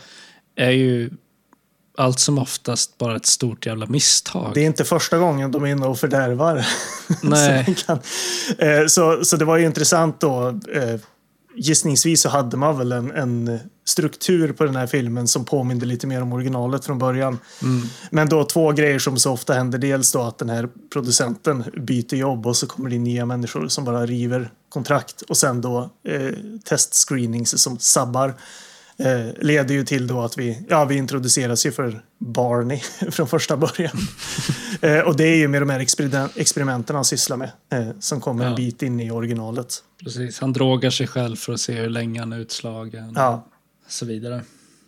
Och en annan sak som blir så här smärtsamt eh, uppenbar tidigt i filmen är ju skillnaden mellan hur Jeff Bridges väljer att spela den här karaktären i jämförelse med eh, hur Bernard Pierre Donadieu spelar karaktären i originalfilmen. Alltså för att en av styrkorna med karaktären Raymond i originalet är mm. att han för människor i hans närhet framstår som en liksom helt vanlig familjefar. Eh, samtidigt som tittaren vet att det under den här slipade fasaden döljer sig ett iskallt monster. Ja, han, han framstår inte weird. Nej, exakt. För Barney däremot, då, Jeff Bridges, eh, han är ju bara jävligt obehaglig och konstig. Eh, även om man inte visste vad han planerar ja, så, precis. så är han bara skum, läskig. Man vill säga åt honom just stop being weird bara. Ja. Just om man hade träffat honom men inte, inte vetat om vad det är han sysslar med. Utan det, han, han har en sån där märklig framtoning. Då inklusive Verkligen. den här accenten som är eh, konstig. Han pratar konstigt och han liksom går konstigt. Han Ja. bara så här stol, stolpar omkring väldigt stelbent. Han har till och med klippt en konstig frisyr. Ja, ja det, nej, det är jätte, jättemärkligt. Men hans familj behandlar honom som att han vore en väldigt älskvärd eh, liksom, make och pappa. Man säger, men ser ni inte, ser ni inte den, alltså, vad, hur han beter sig? Han är ju så,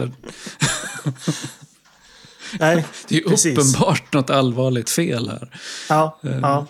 Du behöver inte vara någon liksom, eh, stor människokännare för att uppfatta att, att Barney har ganska svåra mentala problem.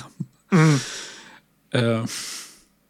Och det är ju ett stort misstag. Alltså. Eh, för dels så gör det ju eh, karaktären mycket mera ointressant. Ja. Han blir ju mer av ett så run of the mill eh, amerikansk stereotyp skurk-psykopat. Liksom. Ja, precis.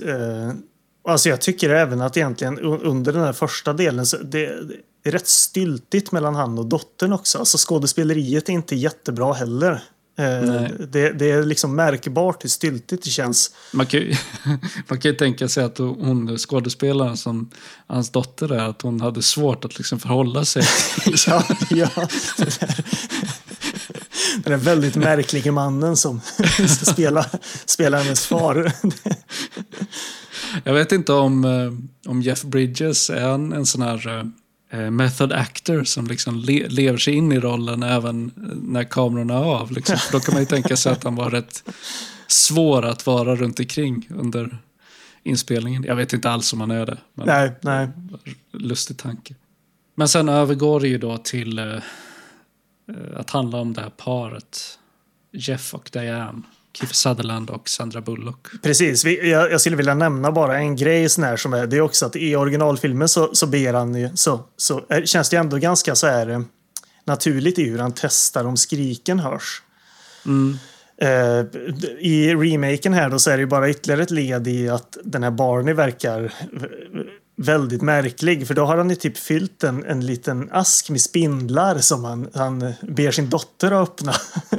så Ja, att hon skriker Är det inte då. typ liksom. dotterns eh, lunchlåda som han fyller med Ja, spindlar? ja precis. Ja. Och, och han ser så här finurlig ut. Han tycker att det är kul liksom. Och det är också Han tycker det är skitkul. Ett, ja, och det är också bara ett led i så här att det, det här är en, en väldigt märklig person som...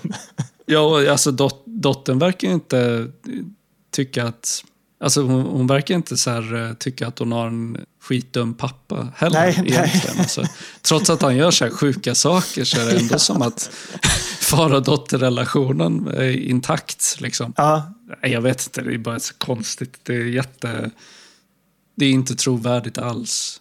nej, någonstans. nej.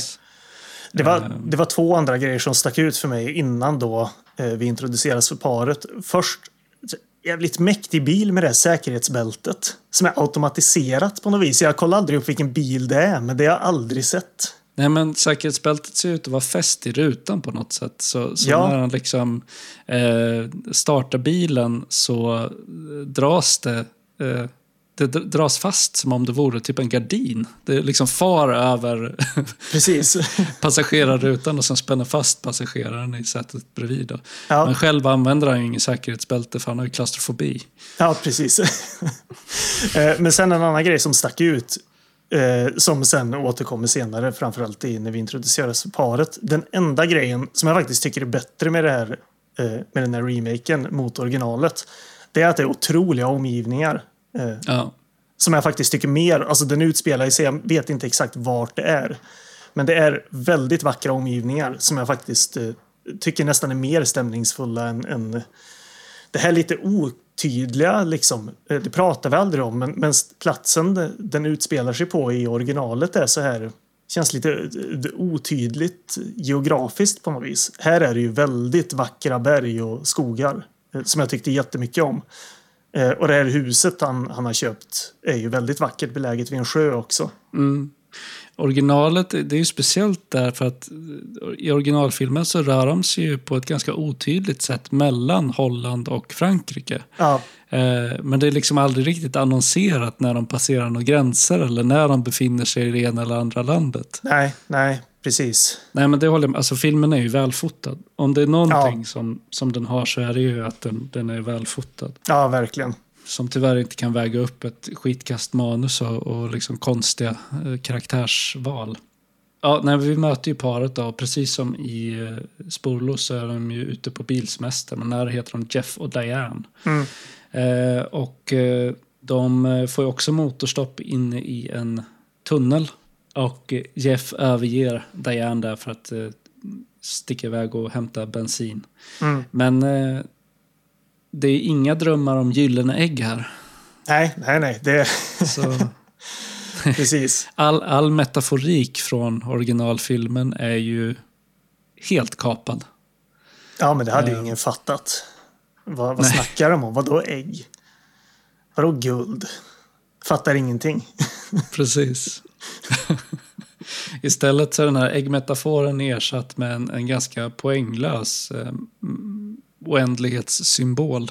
Mm. Den här oändlighetssymbolen som är liksom en, en ser ut som en åtta liggandes på sidan. Mm. Som alla eh, såklart känner igen. Men eh, det, det, ja, den har ju egentligen ingenting med något att göra i den här filmen. Det är bara Nej. därför. För att ge någon slags sken av eh, djup eller sammanhang. ja, ja, verkligen. Och alltså den här, det som jag skulle säga det som ersätter den här metaforen med öppningen är att det är kul att se Sandra Bullock i en tidig roll. Eh, ja. Innan hon försvinner ut ur den här filmen också då givetvis. Eh, av förklarliga skäl. Ja, det är alltid kul att se Kiefer Sutherland som någonting annat än, än en skurk eller så här hårdkokt snut. Eller så. Här är han bara en vanlig snubbe liksom. Och lika intensiv som vanligt. Ja, precis. Och vad man tycker om Kiefer Sutherland. Ja, han är bra. det, tänker, vad, vill se mer med honom. Absolut. känner man varje gång. Det tycker jag att vi ska göra i, mm. i framtiden. Han, han har ju en uh, otrolig intensitet. Ja, verkligen. Uh, som, ja, nervig. Ett ord som beskriver Eh, Keith Sutherland ganska bra ja, tycker jag. Alltså man kan väl, kan väl köpa honom som att han skulle bli besatt av ett sånt här försvinnande. Verkligen. Och det är väl också en, en, positiv bit med den här filmen kan man ju säga. Ja, alltså det, det är ju väldigt duktiga skådisar. Ja, ja, absolut. Som sagt, Jeff Bridges är också en jättebra skådis. Det är bara att det är inte så att han han är en dålig skådis här. Det är bara att det tas felaktiga val kring ja, ja, ja, vem, vem, den här karaktären är och hur han ska bete sig. Ja, Men jag man, menar, man... i en annan film så hade ju det varit en väldigt bra karaktär istället. Ja, visst. Precis. Lika konstig, men, men det hade passat eh, berättelsen bättre i en annan film. Mm. Ja, nej, men de kommer till den här bensinmacken och eh, eh, Diane då, Sandra Bullock, försvinner. Och sen blir det topp i tiden och eh, vi möter liksom Kiefer Sutherland tre år senare när han har eh, besatt letat efter Diane i Ja, sen hon försvann. Ja, precis. Alltså det, det stora misstaget med eh, att introducera mördaren i början märker man ju vid macken. För det finns ju ingen mystik om vem man är när han dyker upp. Nej. Eh, och då fattar man ju att alltså det var ju en, en så stor grej med originalet att eh, det är en ganska mystisk figur som dyker upp. Medan man här vet ju precis vem det är och vad han sysslar med och vad han ska göra. Eh, och då är det som, ja men då fattar man ju också vad det är som ska hända. Mm. eh, och det är ju det här armbandet som du nämnde, det är ju det som blir någon slags ersättare för den här nyckelringen. Att eh, eh Sandra Bullocks karaktär vill ju köpa ett sånt där armband. Ett oändlighetsarmband. Ja, precis. Eh, så nej, men det, det är ju synd. Eh, I och med att det inte finns någon mystik kvar. Men det blir ingen riktig big deal eh, i och med att Jeff Bridges mest skymtar förbi också. Men vad jag också tänkte på här innan man gör det här tidshoppet, det är ju att Ja, men originalfilmens mittenakt är avverkad på tio minuter redan. Vad ska man fylla den här filmen med härnäst? Mm. eh, börja fundera på. Och eh, ja, man, man, fyller det med en ganska habil 90-tals-thriller skulle man kunna säga.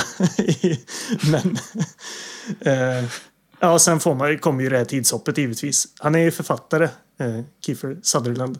Först möter vi honom eh, när han liksom kör in och parkerar utanför den här dinern. Han har varit ute och satt upp affischer och han kommer in där härjad och sömndepriverad. Och, mm. eh, han, eh, han ska ju här se ut som att han har gått ner sig totalt. Mm. Ser helt slut ut. Och han ska liksom låtit håret växa och så han bara bryr sig om ingenting. Men han, han, har, han har ju klippt en mallet. Ja, ja, ja precis. han har ju klippt en hockeyfrilla. Ja om han nu skulle ha dekat ner sig på riktigt, då skulle han väl inte haft en hockeyfrilla? Nej, nej, nej, nej, precis. Jag menar, han har ju någon sån här äh, arméjacka på sig. Han ser ut som någon som lyssnar på grunge, liksom. Bara. Ja, ja. så, så, alltså, han är ju väldigt så här äh, äh välvå... Eller liksom... Snyggt neddekad får man säga. Känns ganska ja, medveten ja. om att, att han ska se dekad ut på något vis. Nu måste jag se härjad ut. Ja, då, då klipper jag en hockeyfrilla 1993 och eh, ja, precis. låtsas vara fast på 80-talet. Men, ju... men hockeyfrilla är ju mer av ett statement. Det här är ju något slags modeval. Ja, ja men precis. precis. eh, nej, men han har bytt, han har bytt den här liksom eh, gula stickade tröjan mot, mot en rutig skjorta istället. Och det, ja. då vet man att man är nere. ja, nu är det illa. Ja. Men på den här dinern så träffar han eh, Rita, spelad av Nancy Travis. Hon känner igen honom från skoltiden. Mm. De är gamla klasskamrater och är ganska tydligt intresserad av honom. Så det går ju rätt fort här från, från det att de träffas på dinen till att de blir ett par. Och sen flyttar de ihop. Hon prackar på honom att han ska dricka ett glas mjölk. ja, just det. Han beställer en kaffe och hon säger nej, men du ska inte ha något kaffe. Du, du ska ha mjölk. Ja, precis. Eh, så får han ju, och så får han ju lägga sig i den där sängen bak. Men precis som du säger, det här går ju, det är ju väldigt snabba hopp här. Hon, hon har ett par gaffelörhängen, såg du dem? Det tänkte jag aldrig på. Hon har två jättelånga så här, eh, örhängen formade som gafflar. Ja, okej. Okay. Eh, nej, de flyttar ihop i Kiefer Sutherlands lägenhet och eh, vi förstår att eh, han har fått det att verka som och hon tror att han har gett upp det här hopplösa sökandet efter sin förlorade flickvän. Mm. Men så träffar han en förläggare och blir eh, erbjuden Eh, att skriva en bok om det här försvinnandet. Och först så är han väldigt tveksam till det, men eh, han går med på det så börjar han skriva historien och så är det som att han blir som besatt igen. Då. Det är en, en grej jag vill ta upp här, eh, just som man får se när de har flyttat ihop. Eh, för eh, som vi pratade om runt eh, drömkåken för ganska länge sedan vid det här laget så finns det även här en ekonomisk situation som det är lite lite funderingar runt. Eh, för jag menar, mm. han är ju, vad han sysslar med fattar man inte riktigt. Han är ju typ författare men han har inte sålt någon bok än. Nej. Eh, och hon är servitris men ändå har de råd med den här sjuka lägenheten med en skyline mot nu vilken stad. Jag tror det är Washington. eh, ja. jag såg, eller den var inspelad i Washington i alla fall. Men i alla fall. Hur har de råd med den här? Nej, precis. Ja, men det, det, det är sådär, eh, det är ständigt liksom logisk eh, lucka i amerikanska filmer och amerikanska eh, tv-serier, framförallt sitcoms. Ja. En, så här sitcom-serie som Vänner till exempel, de har ju så här asstora lägenheter ja, ja, mitt på Manhattan. Och, och det, är så här, det, det, är inget man pratar om. Hur har de råd med, med det här? Samma sak i Uh, How I Met Your Mother. Och ja, ja, alltså det, det är väl, When Harry Met Sally är väl också ett sånt där tydligt exempel när de har någon sån här slags eh, vindsvåning som de bor i. Liksom. Man vet inte heller, jag minns inte vad de sysslar med där heller, men här är det någon som har fått tag i pengar uppenbart i alla fall. Trots att man är besatt av ett försvinnande och är neddekad så kan man ändå köpa en lägenhet. Ja, han, han gör ju inte ens sitt han gör ju inte ens sitt jobb som författare heller. Nej, han är ju en misslyckad precis. författare. Eh, men han hade råd med en lägenhet med skyline-utsikt i alla fall. Det är tydligt. Ja. Han har också en väldigt fin så här, handklappsmössa. Ja. Det är en sån här baseballmössa som han har på sig Mm. hemma. Eh, en keps med, med eh, ett par armar som sticker Ja. ut från skärmen. ja, typ. precis. Så kan han få de här eh, som, eh, händerna att klappa. Väldigt. Jag skulle vilja ha en sån keps. Mm. Eh, nej, men han börjar skriva den här boken om eh, försvinnandet. Vi får se honom när han sitter i sitt kök och skriver medan Rita ligger och väntar på honom i sängen innanför. Det. Hon vet ju inte vad det är han jobbar på, men hon är övertygad om att han skriver om henne. Och att det är därför han är så hemlighetsfull, för han skriver om henne och deras eh, liksom kärlekshistoria ihop. Hon smyger sig på honom bakifrån. Han sitter och skriver så svetten rinner om honom. Ja. Det är så man vet att man är st- struggling artist. Man Ja, liksom skriver precis. som man, som man svettas. Eh, han smyger upp bakom honom, men han uh, hör ju att hon är på väg, så då stänger han ner och eh, bilden ersätts av en skärmsläckare istället. Mm.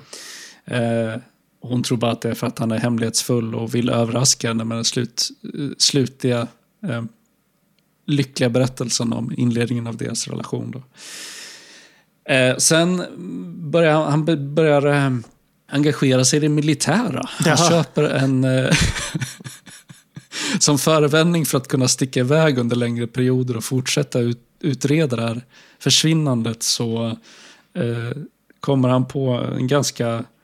Det måste ju vara en rätt invecklad plan av att han köper en militäruniform och säger att han har typ gått med i, jag vet inte om det är nationalgardet Ja, eller men precis. liknande. Jag minns inte exakt vad det heter, men det är ju någon, någon slags amerikansk motsvarighet till hemvärnet som ju är lite mer... Ja, just det. Eh, National Reserves Ja, heter det, precis.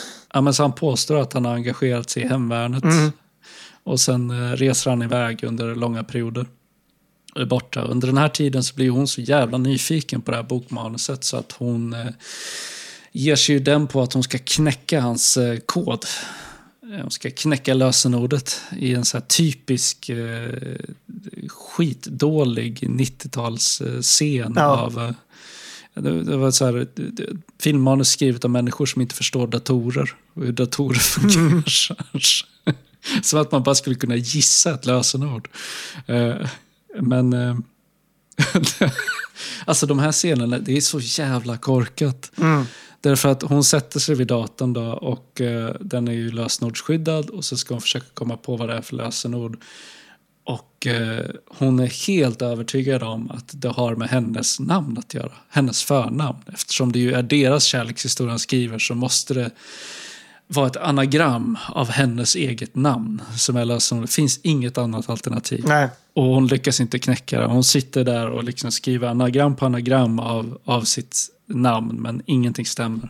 Och sen till slut så får hon idén att hon ska testa ett anagram av namnet Diane istället. Och då knäcker hon koden och, och kommer in i hans hemliga eh, dokument. Så det fanns liksom bara två alternativ Ja, för ja, vad som precis. kunde vara lösenordet. Det är Ja. antingen ett anagram av hennes namn eller av Dianes namn. Alltså det är så enkelspårigt och korkat. Ja, ja verkligen. verkligen. Ja, men vi har ju en, en mittenakt här som jag nämnde förut som är liksom som inte är det som är från originalet och inte slutakten. Utan det, det, och jag satt och tänkte förut, men vad var det som hände egentligen? I den här typ 40 minuter. Och som jag sa tidigare. Här tycker jag att filmen, om man tänker bort Sporlos och The Vanishing. Så har man ju en ganska småmysig 90-tals thriller här liksom. Det finns det många av och man behöver inte se den här. Men här kände jag men det här är väl mys på något vis. Mm. Eh, men jag, jag kunde inte riktigt komma ihåg vad det var som hände ens. hela, hela den här mittenbiten. Men, men eh, som det, precis, det, det är ju den här liksom militärspåret som dyker upp. Liksom. Men annars är det att han sitter och skriver på sin bok som är hela grejen. Typ. Ja, och sen när hon knäcker koden så blir hon ju varse att det inte alls är deras kärlekshistoria han har skrivit utan han har ju skrivit som besatt om Diane och sitt sökande efter henne och hon blir ju såklart jätteledsen och Mm. desperat så hon söker upp honom och i sin desperation så har har köpt den fulaste peruken hon kunde hitta. Den fulaste svarthåriga peruken hon kunde hitta och knackar på på hans hotellrum. Ja. Och när han öppnar så står hon där som ett... Jag vet, jag vet inte vad hon ser ut som. Det ser ut som hon har en sån här hårhjälm på sig. Ja, ja, precis. Och så säger hon Is this what you want? Ja, ja. och han bara säger, men fan ta dig peruken liksom. Du ser ju, ser ju för jävligt. Det, är så, det är så otydligt till och med som man, är- som man till början, som, vad menar du liksom? Vad är... De menar ju så här, nu, ser jag, nu är jag en exakt kopia av Sandra Bullock. Ja, men precis, precis. Men det är så, ja, okej. Ja. Känns som man hade kunnat gjort den poängen tydligare och starkare på något vis. Men Jag, jag funderade på om det här var någon slags väldigt svag referens till Hitchcocks eh, Vertigo. eh, där James Stewart försöker forma sin nya flickvän då, till att likna en, en kopia av hans bortgångna flickvän. Mm. Eh, för där är det ju att han ger henne en peruk som liksom har samma form och färg som hans gamla flickvän och så vidare. Men här blir det ju bara, jag började garva alltså när Mm. den scenen kom för att det, det är en så förskräcklig peruk. ja, Alltså, ja, jag- verkligen. Det är en av de fulaste peruker jag har sett i hela mitt liv. Mm. Ehm.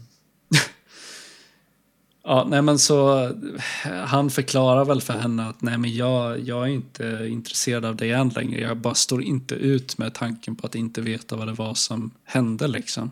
Och jag kan inte släppa det förrän jag får closure. Mm. Och då bestämmer hon sig för att ja, men vi, jag följer med dig. Vi ska åka tillbaka till platsen där det hände. Ja, vi gör det tillsammans. Mm. Och då får vi reda på att han har inte varit tillbaka till bensinmacken sen det hände. Och det är så här, men vad fan, han har letat efter henne i tre år. Han kanske skulle ha börjat med att leta där brottet begicks. Ja. Alltså, det är bara en tanke så här. Ja, ja, det känns ju rimligt på något vis. Ja. Han lovar ju här återigen då att han ska släppa det här, att han ska gå vidare. Och han slutar ju sätta upp de här affischerna. Och då får ju Barney spel. För han har ju på något sätt levt på tillfredsställelsen i att veta att Jeff fortfarande söker sin försvunna flickvän. Mm. Så han, han njuter ju av att se de här affischerna sitta uppe varje månad. Att det hela tiden kommer nya affischer runt om i, i stan. Och sen när det då inte dyker upp någon ny affisch, då får han panik. Och sen bestämmer han sig för att kontakta Jeff. Så han skickar ett vykort till honom och eh, säger att vi ska ses på den här restaurangen. Och sen sitter han på behörigt avstånd och spejar på honom och eh, Rita. För Rita kommer dit också. Hon blir såklart arg på Jeff för att ja, men du sa ju att du skulle upphöra med det här. Du skulle inte leta längre och du kommer aldrig att hitta henne. Och där blir det en splittring mellan de två så hon lämnar honom. Och sen eh, eh är vi tillbaka i Jeffs eh, lägenhet. Han har blivit lämnad av Rita. Men så knackar det på hans dörr. Och eh, så kommer Barney. Han presenterar sig. Hi, I'm Barney. Ja, det, det... I'm the man you're looking for. Ja, just det, precis. ja, eh, här är vi tillbaka i, i eh, originalets story, kan man ju säga. Eh, Ja. Fast Jeff Bridges får ju betydligt mer stryk än vad... ja, ja, definitivt. Eh. Kiefer Sutherland spöar ju honom på riktigt här. Ja, ja. Han eh, slår honom, slänger honom ner för trapporna. Ja, Sparkar honom i huvudet. Så nej, han blir ju ordentligt misshandlad där. Men eh, precis som i, i Sporlös så erbjuder han ju Kiefer Sutherland ett alternativ. Då, att antingen så får du aldrig reda på vad som hände med din eh, flickvän eller så följer du med mig nu så ska jag berätta allt för dig. Men du måste göra allt som jag ber dig om. Mm. Och sen åker de iväg tillsammans. han har ju lämnat ett, ett eh, meddelande på hans telefonsvarare också, Barney alltså. Mm.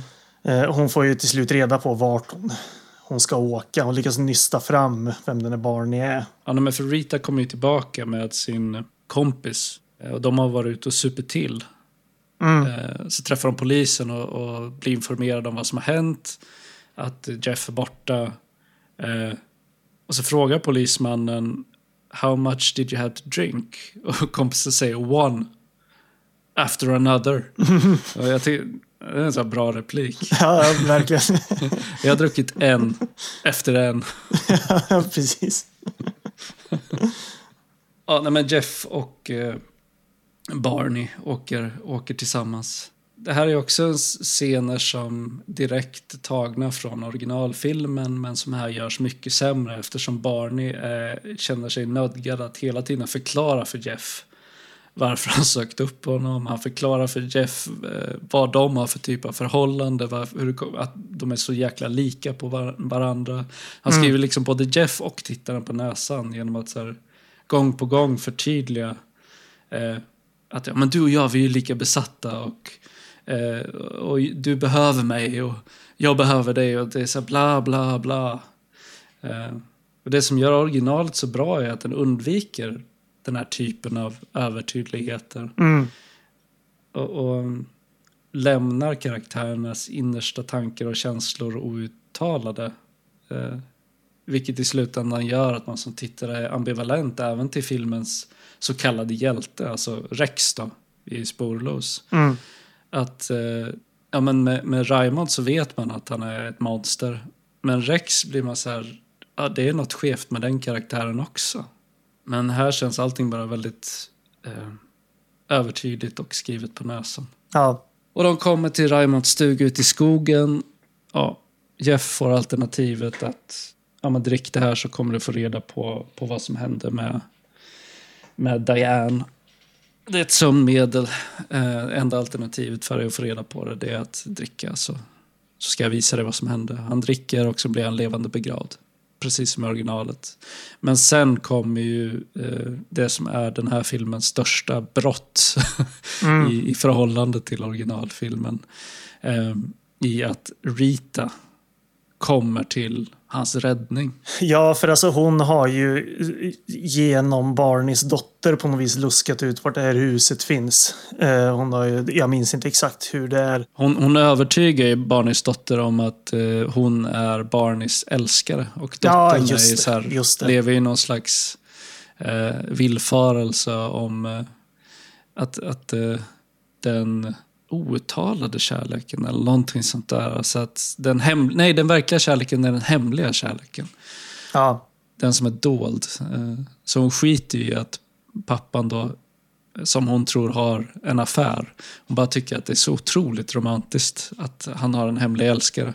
Och därför så berättar de för Rita vart Barney gömmer sig någonstans. precis. Eh, vad som ska sägas om, alltså innan hon kommer dit då. Eh, vad som ska sägas om den här själva begravningen då. För det sa vi ju i förra avsnittet att det är ju en, en det är kanske den mest liksom, berömda delen av originalfilmen.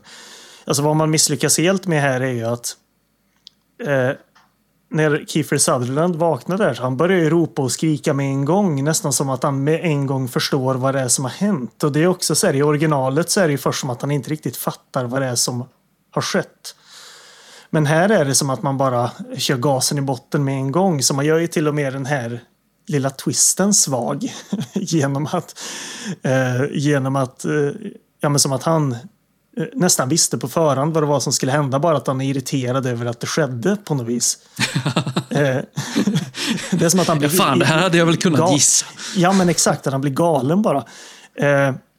Det enda jag tyckte var lite intressant som en väldigt liten detalj som, som jag tycker är ganska bra här, det är att man faktiskt har etablerat varför han har en tändare med sig.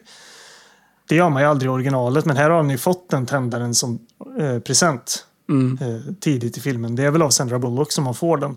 Nej, men så det, det tyckte jag ändå var en här, ja, men det, som en liten detalj så är det ändå vettigt att de har i alla fall etablerat varför han överhuvudtaget har med sin tändare nere i kistan. Men som sagt, hela, hela grejen är det verkligen så här. Eh, man lyckas eh, man lyckas missa även det. Och sen kommer ju det här haveriet till slut. sen, eh, tyvärr.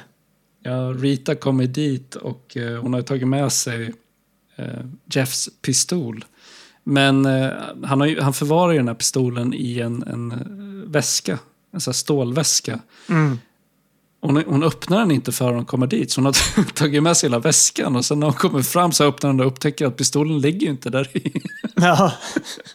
Men fan ta med sig hela väskan liksom. Nej men exakt. Eh, För hon har, väl, det har hon, hon har väl sett den där tidigare i filmen blivit sur över att han har en pistol. Ja, precis. Men sen precis som du säger, nej, man, man, man öppnar den inte liksom. Känner inte på tyngden heller att det inte är något i. Nej, nej bara säga, ja men här, den här väskan vet jag att det är pistol i. Jag tar med Ja. mig hela väskan. Eh, och så ska hon liksom öppna den på väg in i huset. Det är också så här, Mm. herregud, ja, jättedumt.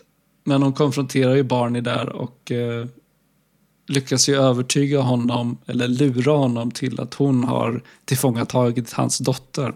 Mm. Precis som han har tillfångatagit Jeff. Och på så sätt så tvingar hon honom till att också dricka det här sömnmedlet. Och vid det här laget så har hon ju också klurat ut vad, vad han har gjort med Jeff. För hon ser Ja, liksom ser såg det. spånet på hans skor. Ja, och en, Och en- och en sån här lerig spade. så står det i ett hörn av Ja, huset. det fanns en nakna pistolen-nivå liksom. Och speciellt sen när de börjar slåss liksom. Ja, Hon slår en bräda i huvudet på honom. Så här, det är otroligt alltså att man gör det här. Det, Det är så jävla dumt. För, för att han eh, bestämmer sig också, först då, innan hon lyckas lura honom, eh, så säger han att han ska utsätta henne för samma sak också. Och man tänker sig, men hur jävla snabbt kan han tillverka en ny kista? För han, han säger samtidigt också att han måste skynda sig så han hinner hem innan hans fru vaknar. ja, ja. Master Carpenter. Eh, Mästersnickaren Barney. Som kan Ja, nej, såga till en, en eh, kista på en pisskvart och gräva en grop. Liksom. ja, precis. Han är så dumt som man, man storknar. Eh, ja, nej men så hon lurar honom, han dricker det här sömnmedlet och sen eh, kommer en ganska lång och rätt eh, tam eh, slagsmålssekvens. Där Ja, hon, men för, för precis. För det är det här också att det blir som twist på twist. För han Ja. har liksom somnat och så gräver hon upp Kiefer Sutherland. men Barney har vaknat igen. Liksom. Så måste Barney- de slåss. Ja, och eh, Kiefer Sutherland eh, vaknar från de döda och eh, lyckas eh, ta sig upp ur sin grop och Mm. räddar eh, Rita från, eh, från Barney. Då. Ja, så Rita räddar eh, eh, Jeff och Jeff räddar Rita. Ja, och sen så är det inte att han liksom stirrar på gropen och han förstår vad som har hänt Diane typ. Precis, han, han kramar ju om eh, Rita och över hennes axel Mm. så ser han en likadan. Eh, Mm. Ja, just det, det är så det grav en bit bort. Vilket också är så här, varför har han, han har ju uppenbarligen lagt mer jord ovanpå graven än vad som var där från början. Mm. Så han har ju byggt en liten hög. Ja, det ska vara en sån här eh, som det är i spel som man ska se vart man ska trycka på knappen för att gräva. exakt, eh, för att få hitta en skatt liksom. exakt. Så jag menar om man vill... Han har ju inte, vad ska man säga, sopat undan sina spår så jävla bra. För vem som helst som råkar passera de där jävla högarna inser att ja, men här är någonting begravt. Ja, ja men precis. Eh, I kistform. I kistform. Precis. Ehm, ja, jag kommer inte ihåg. Är det inte någonting ganska så brutalt med hur Barney dör också? Jag för mig att det var lite så här Jo, hon överraskande hugger blodigt. spaden i huvudet på honom. Jag har för mig att man får en sån scen att, att hon liksom hugger spaden i huvudet på honom. Så Mm. att det sitter så här i skallen liksom. Just det. Eh, sen blir det ytterligare ett hopp i tiden. Ja, ja, så kommer den här så härliga slutscenen sen. Ja, Alltså när man tänker på, på Sporlos och The Vanishing, vad är det de filmerna behöver verkligen? Det är ju ett hö-hö-hö-slut. Ett vitsigt avslut liksom. Det är precis det man, man eh, vill ha. ja. Eh, han sitter med sin förläggare på en restaurang och Rita är där också. Eh, han blir återigen erbjuden att, att skriva berättelsen om det här försvinnandet och Mm. sina upplevelser därefter. Och sen tackar han vänligt men bestämt nej till det. Vilket ju blir den slutgiltiga signalen för att ja, men nu har han, eh, nu är det färdigt. Nu är han hel igen. Rita har bokstavligen så här grävt upp honom från de döda och återfört honom till livet. Liksom. Ja, men för det intressanta är att jag eh, minns det som att han tar dealen och på Wikipedia står det eh, They reunite as a couple and sell the story as a novel to a publishing company. Nej, han nekar ju dealen. Nej, för, ja, det, ja det, så kan det säkert vara. Det, det kan ju vara fel på Wikipedia. För jag, jag satt och funderade, men vad, sålde han inte boken liksom? På något vis? Jag kommer inte ihåg. Ja, för, ja skitsamma. Det är möjligt. Jag, jag kan komma ihåg fel också. Eh, Eh, spelar Men- ingen som helst roll. Men eh, eh, sen kom ju kyparen och frågade om de vill ha kaffe. Och eh, de tittar lite så här, vad ska man säga, skälmskt, kan man säga så? Eh, lite lurigt på varandra. och ja, att, Nej, precis. we don't drink that anymore. Apropå då att sista gången de drack kaffe så var det ju liksom sömnmedel i det och de var nära att döda. Eh, och på den noten slutar filmen. Sen Ja, rullar credits. eftertexterna. Ja. Ja. Slutar med en punchline. Det, det enda som saknas var bara en sån här badum effekt eller Ja, typ exakt. Seinfeld-basgången. när man ser de här filmerna så tänkte man det här behöver en punchline. ja. Och det fick vi. Det Ja. fint. Ja, ja, det förtar ju inte alls eh, allvaret eh, Nej, som nej. man åtminstone har försökt att, att förmedla tidigare. Nej, precis. Eh, eh, Eh, jag vet inte vad man ska säga. Alltså. Jag, jag tycker alltså det är både en väldigt usel remake men också en jättedålig film, tycker jag. Eh, jag har inte ens gett den här filmen något betyg än. Jag tyckte så jävla illa om den så jag, jag vet inte riktigt vad jag ska ge den. Samtidigt så håller jag också med dig i att delar av den är en ganska habil 90-tals-thriller. Ja, problemet är ju att det finns 500 andra bättre 90-tals thrillers. Så det finns ingen anledning att se den här. Nej, nej. Helt enkelt. nej det finns, Eh, alltså, där, däremot så tyckte jag att det var underhållande att titta på. Jag menar, i någon mån så måste det också väga in. Jag menar, jag hade inte tråkigt. Måste jag säga. Eh, nej. och om man inte sitter och, och bara tänker att nu måste den här väga upp till originalet, vilket den självklart inte gör, så var det inte som att jag hade jävligt trist när jag såg den. nej. Eh, men jag kan med det sagt inte heller säga att det finns någon anledning till att välja att se den här. Eh, istället för någon annan. Alltså om jag ska vara snäll så ger jag den en tvåa. Ja, och jag, jag har nog landat i det också. Jag gav den två och en halv för jag kände sen men det var väl för självstående liksom okej. Mm. Men så är det i efterhand så nej, det är nog inte ens riktigt det. Utan eh, en tvåa känns ganska rimligt. Ja. Eh, så nej, det är ingenting vi plockar upp i den stenen. Och jag kan inte ens säga... Det är väl om man vill se Jeff Bridges eh, göra en konstig eh, skådespelarinsats. Kanske. Ja, det är verkligen en så här... eh, Om man av ren nyfikenhet liksom se vad det här är för något. Mm. Och kanske då hur den står sig i relation till originalet. Men annars så tänker jag, har man inte sett originalet så kanske man kan... Jag vet inte, det, den här kanske är roligare om man inte har sett originalet då, möjligtvis. Kanske. Så kan det ju vara. Men som sagt, det finns många andra bra thrillers från 90-talet. Och man kan nog se i stort sett alla istället för den här. Mm.